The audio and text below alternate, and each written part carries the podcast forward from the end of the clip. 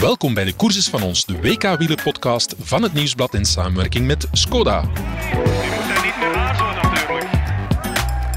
Maar er sluit veel volk aan. Het valt stil. De grote drieën zijn niet kunnen wegrijden van de rest. Dit is je kans, man. Ewan, Van der Poel, Schachman, Alaphilippe, Greg van Avermaat. En Stuiven zit erbij. Nu wordt het interessant. In onze WK-update met koersprofessor Mark Sergeant hebben we vooruitgeblikt op de wegrit bij de mannen. Als je die podcast nog niet hebt beluisterd, zeker doen, want hij is razend interessant. Deze update gaan we geheel volledig en onvoorwaardelijk wijden aan de vrouwen. In de nacht van vrijdag op zaterdag vanaf middernacht tot ongeveer tien voor twee rijden de junioren meisjes hun wegrit. En daarin is het uitkijken naar onze Febioris, brons in het tijdrijden, en Xaidi van Sinai, maar vooral multitalent, slokop en kannibaal Zoe Bakstedt. Tussen 4 uur 25 en 9 uur, voor de vroege vogels dus, rijden de dames elite hun wegrit. Dat wordt een razendspannende strijd tussen het Nederlandse en het Italiaanse blok en enkele outsiders, waaronder onze Lotte Kopecky. Wielerredacteur Werner Bourlet is zoals steeds onze gids in het vrouwenpeloton. Bij ons zit Werner Bourlet, onze wielerredacteur, en die is eh, vooral gespecialiseerd in het vrouwenwielrennen, onder andere. Dat is de man die ons daarin eh, kan wegwijs maken. En ja, het is een goed moment om samen te zitten, want zaterdag eh, is het de grote dag voor de vrouwen, zeg maar. Met eh, eerst de junioren vrouwen, die rijden om 1 uur 50 Belgische tijd. Dat is iets voor nachtbrakers. En dan hebben we nadien de wegwedstrijd bij de vrouwen. Heel speciaal, daar gaan we het straks nog over hebben. Om 4 uur 25, misschien nog net voor de nachtbrakers. Werner, ik weet niet, ben jij een ochtendmens of eerder een late vogel? Ik ben een ochtendmens, maar één uur en vier uur is misschien toch iets te vroeg, denk ik. Dus jij, maar ik ga mijn best doen. jij programmeert de decoder of, of uitgesteld kijken? Nee, Wat nee, is de ik ga toch de wekker zetten, eh, denk ik. Oké, dat is heel mooi. Ja, laten we beginnen bij de wegwedstrijd bij de elite vrouwen. Eh, wij spelen daar uiteraard mee met eh, Lotte Kopecky. En dan moet je mij eens vertellen van, ja, hoe staat het met Lotte? Want het is natuurlijk eventjes geleden dat we ze gehoord hebben. Ze heeft de Vuelta gereden, maar ja, haar voorjaar waarin ze geschitterd heeft, dat ligt al even achter ons. Hoe staat het met haar en wat mogen we van haar verwachten op dit parcours? Dat is een beetje de grote vraag. Hoe, hoe goed is Lotte Kopecky? Ja, Ze maakt een kans op de wereldtitel. dat is goed nieuws. Dat is zo. Maar dan moet ze wel de conditie hebben van dit voorjaar. Eh, toen won ze de Strade Bianche en de Ronde van Vlaanderen. En was ze echt top. Maar ik vrees dat ze net die conditie niet zal hebben. Die tegenvallende Tour de France heeft daar toch wat kopzorgen bezorgd. Mhm. En ik denk dat die nog niet allemaal weg zijn. Eh, ze heeft daarna wel sterk gepresteerd op het EK baanwielrennen met eh, twee gouden medailles. Dat heeft haar duidelijk deugd gedaan. Maar je zag dan toch in de Vuelta voor vrouwen dat ze nog niet top is. Dat er toch nog wel wat, wat twijfels zijn. Dat ze niet die pedaaltred heeft die ze wel had. En vooral die agressiviteit die ze wel had eh, in, het, in het voorjaar. Eh, ze heeft het zelf een beetje over wat fysieke ongemakken. Mhm. Ze heeft een zitvlakblessure gehad. Ze had wat rugpijn en dergelijke. Eh, ze wou zelfs helemaal niet meedoen aan het WK. Ik denk dat het vooral toch ook mentaal eh, een mentale kwestie was. Maar blijkbaar kwam het vertrouwen toch terug. En ze is negende geworden in de tijdrit, wat, wat zeker niet slecht was. Zeker naar haar doen. Hè. Ze is Ja, geen specialiste ja. Dus in die discipline. Dat zal haar wel wat vertrouwen hebben bezorgd. Want voor alle duidelijkheid, het parcours is eh, 164,3 kilometer lang. Voor eh, een vrouwenwedstrijd toch wel eh, behoorlijk. En we zitten ook met die twee lussen. eh, dus eerst de Mount Kera, de Ja. serieuze klim, de lange klim, zeg maar. En dan het stadsparcours met telkens de opeenvolging van die Mount Pleasant. Ja. Die misschien niet zo plezant gaat worden voor sommige rensters. Nee, Dus een, een vrij zwaar parcours. een vrij zwaar parcours. En die Mount Kera die ligt op 125 kilometer van de finish. Je zou zeggen, veel te ver. Maar herinner u, in 2019 in Harrogate, toen heeft eh, Annemiek van Vleuten eh, op 105 kilometer van de aankomst op zo'n helling gedemareerd. Ja. En ze hebben haar nooit meer teruggezien. Ja. Mede dankzij het Nederlandse blok achter haar, die niet anders konden dan afstoppen, want Van Vleuten was alleen weg. Dus wie weet wordt het opnieuw zo'n scenario, al denk ik het eerlijk gezegd niet. Ja. Ik denk dat Van Vleuten ja, na haar val op, eh, in de tijdrit de misschien relay. toch, ja. toch, toch wel niets van zover zal eh, proberen Ja.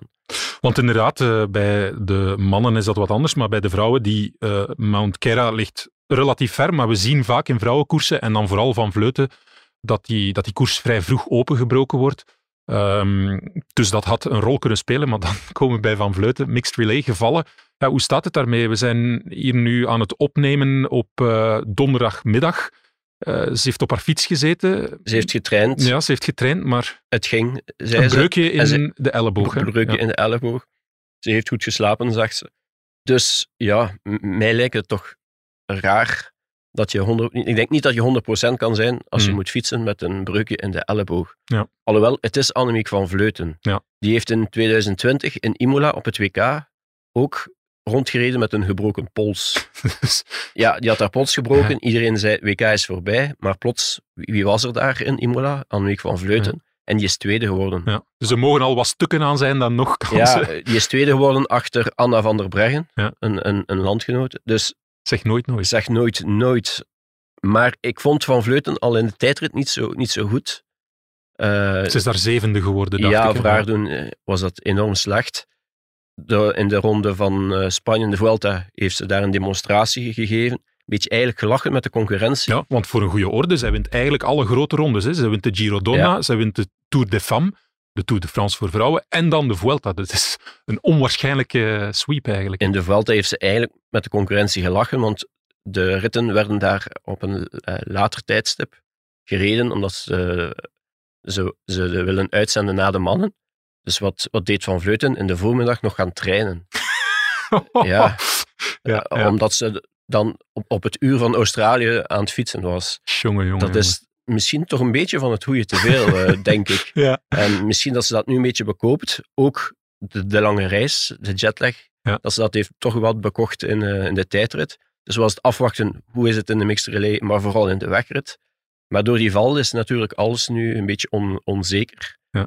Maar als ze 100% is, dan eh, op Mount Kera, dan gaat zij sowieso versnellen, denk ik. ja. En Of dan- de koers openbreken. Ze kan natuurlijk, er is ook een scenario waarin ze, ja, als, als ze, zelfs als ze het gevoel heeft, eh, het kan niet meer, ja, kan ze misschien nog gevaarlijker zijn, want dan kan ze alles of niet spelen daar. Ja, maar op die Mount Kira, stel nu dat ze met, met vijf of zes renners, rensters weg zijn en Van Vleuten is daarbij, Iedereen had de benen de- iedereen de Ja. benen stilhouden. eh. Oké, goed. Ja, zo hebben we het eh, toch al een beetje over de concurrentie gehad, want het is moeilijk om het over het vrouwenwielrennen te hebben eh, zonder het over Van Vleuten te hebben natuurlijk. En eh, ja, dan komen wij de concurrentie. Werner Gitsons is door het deelnemersveld. Ehm, stel dat Kopecky kans maakt, met wie moeten we dan afrekenen allemaal? Iedereen verwacht natuurlijk dat de Nederlandse vrouw wereldkampioen zal worden. Zij hebben, hadden normaal met Annemiek van Vleuten de, de topfavorieten in huis. En eigenlijk ook met Marianne Vos. Vergeet, vergeet vooral Marianne Vos niet. Die, die is daar ook. En volgens mij is als Nederland als één blok rijdt met, met Marianne Vos als eh, kopvrouw, dan is de, volgens mij de, de wereldkampioen al gekend. Ik denk dat zij dan niet te kloppen is. Ja. Maar dat is het probleem bij Nederland. Daar wordt nooit gereden als een blok. Er zijn al een paar eh, ja, dingen misgelopen in het verleden. Denken we maar aan de Olympische Spelen, waar ze het vertikten om te rijden achter eh, vroege vluchtster Anna Kiesenhover. Ja. Niemand wou zich opofferen. En finaal eh, kwamen ze te laat. Ze hebben daar wel een bondscoach, Loes Hunweek heet eh, die mevrouw. Maar ik denk dat die enkel de boterhammen smeert 's morgens aan de start of zo, of aan het ontbijt. Want ja, Die dames doen toch hun eigen zin een beetje. Het is heel moeilijk om, om al die, ja, die ego's en die ja, sterke rensters Ja, die zelf wereldkampioen Ja, kunnen worden, om daarvoor, die in het daarvoor heb je een eh, bondscoach om, Ja. om dat. En wie niet wil luisteren, is er de volgende keer niet meer bij. Zo simpel is het. Maar zo werkt het blijkbaar niet. Zo werkt het blijkbaar. Ik zou niet. zeggen, ja, jammer voor Nederland, maar goed voor ons zeker. Laat ons hopen dat, dat er daar eh, een beetje animo in het kippenhok is, in het Nederlandse kippenhok, en dat, eh, ja, dat men niet op één lijn zit, want dat vergroot dan weer de kansen voor ons natuurlijk. Ik denk dat Kopecky een beetje haar wedstrijd moet afstemmen op, eh, op de Italianen. En vooral Elisa Longo Borghini. Ik denk dat zij een van de topfavorieten is. Zij is in topvorm. Ze was tweede na Van Vleuten in de, eh, in de Vuelta. Eh, ze heeft ook getoond in die mixed relay dat, ze, dat ze echt wel de topvorm heeft. Dus ik denk dat, dat zij een gevaarlijke outsider is. Maar van Italië weet je, die gaan als een team rijden en die gaan als een team proberen Longo Borghini aan de wereldtitel te helpen. Ja. Dat is een voordeel natuurlijk. Als je een plan hebt, als iedereen als de neuzen in dezelfde richting Ja, staan. en ik denk dat Kopecky daar een beetje moet proberen van profiteren. Want bij de Nederlanders weet je nooit, eh, als je gokt op, eh, op Van Vleuten of op Vos, hoe het, hoe het kan eh, evolueren. Terwijl bij de Italianen het normaal duidelijk is, ze gaan allemaal voor Bor- Longo Borghini. Dus het wiel kiezen van Longo Borghini. Ja, en ze kloppen in de sprint. Klinkt simpel. Simpel, hè? Ja. Wat is een indru- indrukwekkende ploeg inderdaad bij Italië. Allemaal eh, ja, bekende namen. En dan is Marta Cavalli er nog niet bij. Die is eh, zeer zwaar gevallen in de Tour de Femme. Want die had hier ook zomaar eh kans hebben Ja, kunnen was, zijn. hè. dat was ook Ja. een eh kanshebster. Maar in tegenstelling tot de Nederlanders vind je bij de Italianen wel een groepsgevoel. Ja.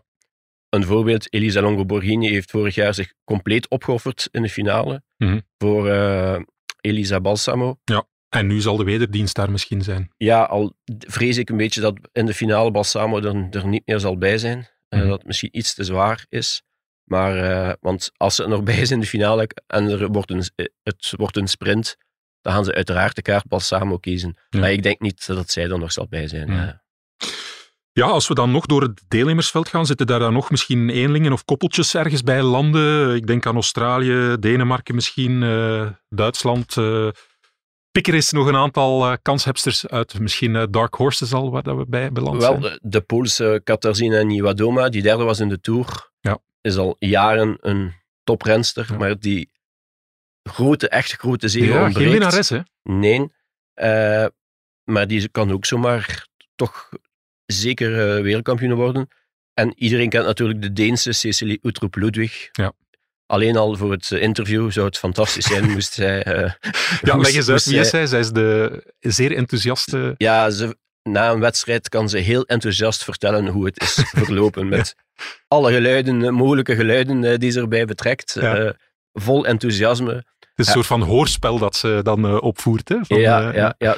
Boom, bam. Ze heeft ook een rit gewonnen in de Tour de France eh eh. Eh, het, het was fantastisch hoe ze, hoe ze daarna Ja. op, de, op, op, op de- op de persconferentie vertelde. I'm sorry. it's just, oh, it feels like such a such a good comeback after. I'm- I have to say it. It's a was a fucking shit day yesterday, and uh, losing Marta and crashing and have to come back and and then I, but I, I just loved how the team kept the fighting spirit and yeah we knew that today was a super good day and if i yeah had the legs then uh, i could try and go for the win and, to actually do it and be a tour de france stage winner oh and then, and then this jersey oh my god it just it, it doesn't, doesn't get better En ze stopte niet. Het bleef maar duren. Ja. Het bleef maar duren. Ze hadden al drie keer gezegd dat ze- de laatste vraag, de laatste vraag. Maar die laatste vraag antwoordden ze minutenlang, minutenlang. Fantastisch. Eh, ja. Dus het is ook een, eh, een zeer sympathieke meisje. Dus het is haar zeker, zeker eh, gegund. Mochten er luisteraars zijn die haar eh, niet kennen, dan zou ik zeggen, YouTube, ja, dan zal je het heel snel Ze is wel- merken. En misschien zelfs supporteren en hopen dat ze wereldkampioen wordt en vooral het kan navertellen. Hè. Ze is bekend geworden na haar interview toen ze derde werd in de Ronde van Ja, Vlaanderen. Dan, Dat, eh, dat zal een van de eerste hits zijn dat bij zal een YouTube, van de denk ik. eerste hits zijn. eh, Druk die je. And then, you know, we tried and it was fun. Like, it was super much fun. And, you know, people screaming on the side, like, ah, you know, and, you know, you, you just feel that energy. You know, you just suck it all in and you're like, yeah, they're cheering for me. You know, not especially because they are cheering for me, but it was, it was super cool. Goed, zijn er dan nog eh, misschien wat stillere dames, maar die toch wel nog eh, snel Wel, kunnen fietsen? Eh, de Zuid-Afrikaanse Ashley Moelman, Ja, die heeft niet echt een sprint, maar is wel een zeer goede klimster. En die rijdt volgend jaar voor het team van Patrick Lefevre. Dus Mhm. voor het team van Jolien Door moeten we eigenlijk zeggen. Want waar Patrick Lefevre mee het beleid een beetje bepaalt. Dus wie weet hij heeft Patrick Lefevre volgend jaar wel een wereldkampioen in zijn team. Ja. Eh, je hebt ook de Spaanse Mavi Garcia, de Amerikaanse eh Kristen Faulkner, eh, die, die een paar jaar geleden nog op Wall Street werkte. ja straf Maar verhaal. hè. plots, plots dacht van, ik fiets eigenlijk veel liever. En ze verdienen heel veel geld. En nu zal het iets minder zijn. Maar, Maar eigenlijk op heel korte tijd staat ze daar bij ja, de top. Hè? staat ze Ja. bij de top. Ze, ze heeft nu ze heeft corona eh, ge- gehad, net voor de Vuelta. En in de Vuelta heeft ze moeten opgeven. Dus het is een beetje de vraag hoe ze gerecupereerd is. Maar eh, het zou zomaar kunnen, zou eh, José de Kouwer zeggen. Je gezin is net als een wielerploeg. We moedigen elkaar aan. En we weten dat we met de tips van onze ploegleider alle kansen hebben om echte kampioenen te worden. Skoda, supporter van de grootste fietsfamilie. Voilà, ik denk dat we het eh, daar voorlopig kunnen bij houden. Dat eh, wat eh, de, de andere favorieten of medefavorieten, schaduwfavorieten betreft, dat is al een heel mooi deel in Misveld. We kijken enorm uit naar die wedstrijd. Maar die wedstrijd wordt nog om een andere reden wel heel speciaal. En we gaan eens, ja, enfin, ik ga het misschien eerst al uitleggen. Dus de, de wedstrijd voor dameselite, daarin rijden ook de damesbeloften mee in diezelfde wedstrijd. En aan de eerste belofte die over de streep komt, wordt de wereldtitel voor de beloften uitgereikt. En we gaan even luisteren wat Julie de Wilde, onze Belgische belofte, daarvan vindt.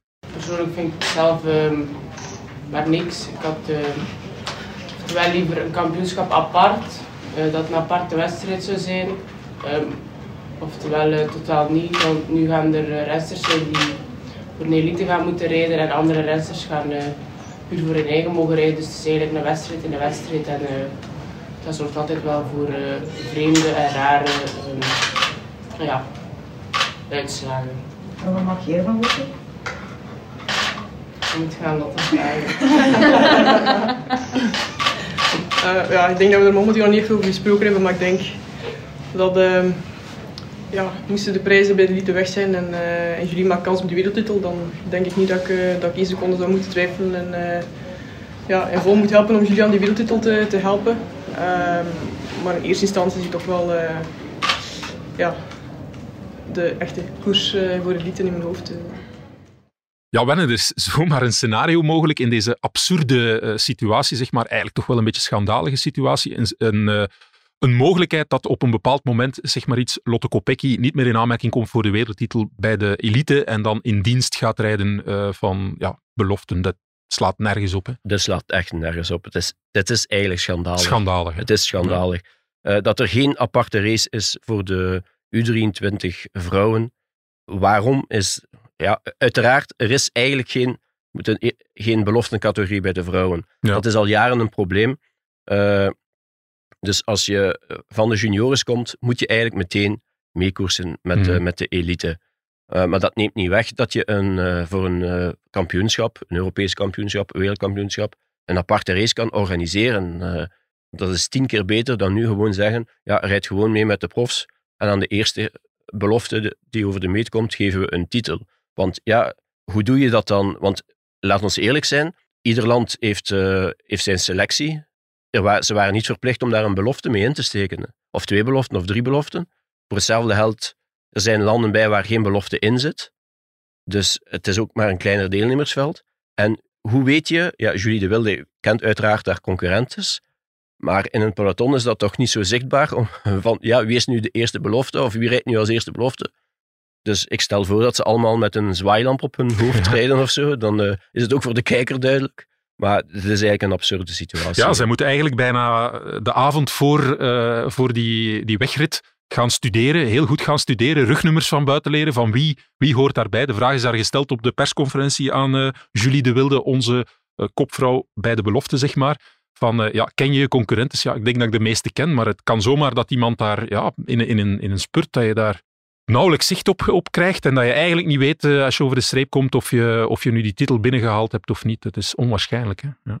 er wordt ook verwacht, ik zeg nu maar van Julie de Wilde, stel dat Lotte Kopecky nog kans maakt op de wereldtitel, Moet ze dan een kansen opofferen? dat zou logisch zijn. Hmm. Ieder- eh, omgekeerd ook, als, als blijkt dat er een kopgroep van zes weg is, Lotte Kopecky zit er niet meer, zit er niet meer bij, en daarna zit een groepje met eh, Julie de Wilde, dat Kopecky dan zegt, ik ga je proberen aan die wereldtitel te helpen. Maar het blijft een, een absurde situatie. iedereen zegt het vrouwenwielrennen is aan het een ferme, steile opgang bezig, verdient meer eh, aandacht. Dan, eh, en dat dan doet de UCI zoiets. Dat is eigenlijk onbegrijpelijk. Dat, onbegrijpelijk. dat vind ik vooral heel sterk op een WK, waar je dan enerzijds eh, afgelopen week, hè, woensdag, hadden we de mixed relay en dan worden heel veel verhalen opgehangen. Verdedigt men dat? Ik kan zeggen terecht. Die discipline, hè, waar men inspanningen wil doen om ook de gendergelijkheid en de vrouwen ook mee in de kijker te zetten. Dat, is, dat kan ik allemaal aannemen, maar dan doe je dit. Dat is totaal niet eh, consequent. Hè. Als je over gendergelijkheid spreekt, dan denk ik dat ze beter een eh, WK voor eh, Voilà. belofte meisjes hadden georganiseerd dan een Ja. mixed relay. Ja. Pure schande. Voilà. Meer valt er niet over te zeggen. Misschien nog even zeggen, Julie de Wilde maakt, kan een kans maken op die titel. Alhoewel, ik vrees dat het misschien iets te zwaar wordt. Mhm. Maar de topfavoriete is, hoe kan het ook anders, een Nederlandse. Dat is Shirin van Anrooy. Iedereen kent haar ook als v- veldrijdster. Ja. Eh, ik denk dat zij de, de, de wordt. Natuurlijk, ze rijdt voor Nederland. Je weet nooit wat daar gebeurt. Voilà. En, eh, en ook de Nieuw-Zeelandse uh, Niam Fisher-Black, teamgenote van eh Kopecky trouwens bij SD Works, is een zeer sterke renster en maakt, maakt kans. Maar nogmaals, het is een beetje ja, afwachten wie er eigenlijk allemaal nu aan de start zal komen als belofte. En eh, ja, dan op het einde zal men denken, ah ja, oh, wie was er nu eerste belofte?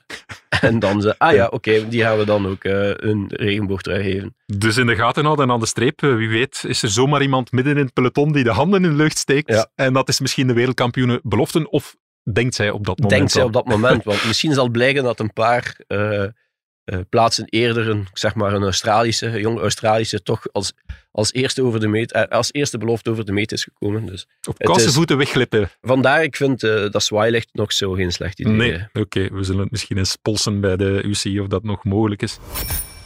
Ja, ik wil toch even teruggaan naar eh, afgelopen week. We hebben eigenlijk alles al aan bod laten komen in onze vorige podcasts. Hè. Onder andere de, de wereldtitel van Ellen van Dijk in de individuele tijdrit. Maar dan gaan we even terug naar dinsdag toch, de individuele tijdrit bij de junioren. Daar waren twee opmerkelijke verhalen. Onze Febioris die brons haalt, heel knap. En dan, ja, Zoe Bakstedt. eh, Werner, een, een meisje van een andere planeet. Hè. Het, is- ja, ze kan alles. Hè. Ze- kan veldrijden, ze kan op de weg rijden, ze kan tijdrijden. eh zet ze op de piste, volgens mij gaat ze ook eh, heel snel gaan. Dus het is, een- het is een toptalent. eh, de dochter van eh, Magnus Bakstedt, Ex-winnaar van Parijs. ex-winnaar van Parijs-Roubaix, die toen nog geen Brit was, maar omdat hij getrouwd is met een eh, Britse, rijdt Bakstedt voor, voor Groot-Brittannië. Ja, zij is ook de topfavoriete bij de, in de wegrit bij de junioren meisjes. Zij wordt volgens mij, ze, ze, werd, ze is vorig jaar al als eerstejaars wereldkampioen geworden. En dat zal zonder ongelukken zal ze ook nu weer winnen. Bij, de, bij ons uitkijken uiteraard naar Febioris. Het is heel knap dat hij brons heeft gepakt eh, in de tijdrit. Maar ik denk dat het parcours iets te zwaar wordt voor haar en ook voor de andere Belgen. Maar het is heel knap dat er na Lotte Kopecky en we hebben al Julie de Wilde, Shari Bossuit, dat er ook nog uit de junioren wat talent eh, is. En die Febioris is ook een goede ren- baanwielrenster. Op het Europees kampioenschap heeft ze, heeft ze ook een medaille behaald in de ploegkoers, samen met eh Helene Hesters. Eh, dat is trouwens de zus van Jules Hesters, die Ja. ook eh, medaille gehaald heeft op het eh, EK baanwielrennen. Dus het is leuk dat zeker nu het vrouwenwielrennen wat meer belangstelling krijgt, dat aan het boomen is, dat we weten dat er toch ook wel... er is nog heel veel werk hoor, maar dat er toch wel nog wat meisjes zitten aan te komen die een rol van betekenis kunnen Ja. spelen. Het is inderdaad heel fijn om te zien dat we niet één uithangbord hebben, maar dat, die, dat dat wat aan het verbreden is, dat er ook jonge rensters komen. Dat geeft inderdaad hoop dat er een, eh, een opvolging is en dat, dat er misschien meerdere, dat we misschien meerdere uithangborden in België zullen hebben. Heel fijn om te zien. En ook Febioris, ja, heel, heel vlotter taal. Eh, ja, ik, ik sprak ja. haar vorig jaar op het eh, EK in Trento. En het is ongelooflijk hoe, hoe vlot die, die spreekt, die, ja, eh, hoe die met de media om kan. Terwijl vroeger die, die jonge renners en rensters eerder een beetje beschaamd waren en moeilijk uit hun woorden eh, kwamen. Het is niet alleen Febioris, maar je merkt dat aan, aan heel, heel veel jonge renners en rensters, hoe, eh, ja, hoe volwassen die eigenlijk al zijn op, op, op zo'n leeftijd. Ja. Er is toch nog één dingetje over Zoe Bakstedt van haar tijdrit dat ik de luisteraars niet willen onthouden. Ik weet, het is uh, enerzijds appelen met uh, peren vergelijken, want uh, bij de, de elite vrouwen die moesten 34,2 kilometer afleggen in de tijdrit. En dan de junioren, dat was 14,1, maar 14,1. Maar de eerste 7,1 kilometer, die waren voor beide gelijk. Zowel voor de, de vrouwenprofs, de elite, als de junioren. En op die eerste 7,1 kilometer reed Zoe Bakstedt zomaar eventjes 17 seconden sneller dan Van Dijk, die uiteraard langer moest rijden. Maar goed, het zegt toch wel iets van... Uh, ze wordt, denk ik, zaterdag net 18 jaar zal ze worden. Uh, ja, dat, dat zegt eigenlijk alles. Hè. Dat zegt al veel. Natuurlijk, of veel, ja. Natuurlijk, uh, de winst zal anders gestaan hebben en dergelijke. Uiteraard, maar, maar het, het, als je ook zag, de, de, de voorsprong die ze had, met, waarmee ze won, dat, die, die was vrij, vrij indrukwekkend. Dus ze is een klasse beter in principe dan, dan de rest. Het is een, een toptalent, hè. zoals we... Ja, zoals er, uh, je kan het vergelijken een beetje, denk ik, met een Mathieu van der Poel uh, in zijn jongere jaren, die, die ook zo domineerde. Dus niet alleen in het veldrijden, maar ook op de weg uh, sterk presteerde. Ik, ik denk dat, dat zij nu, ja, dat daar een zeer mooie toekomst wacht. Oké. Okay. Goed, Werner, we gaan hier afsluiten, want uh, ja, jij staat voor een zwaar weekend. Een weekend waarin je uh, toch weinig zal slapen of de slaap onderbroken zal zijn. Zeer bedankt en we kijken uit naar die uh, fantastische wedstrijden. Oké, okay, dank u wel.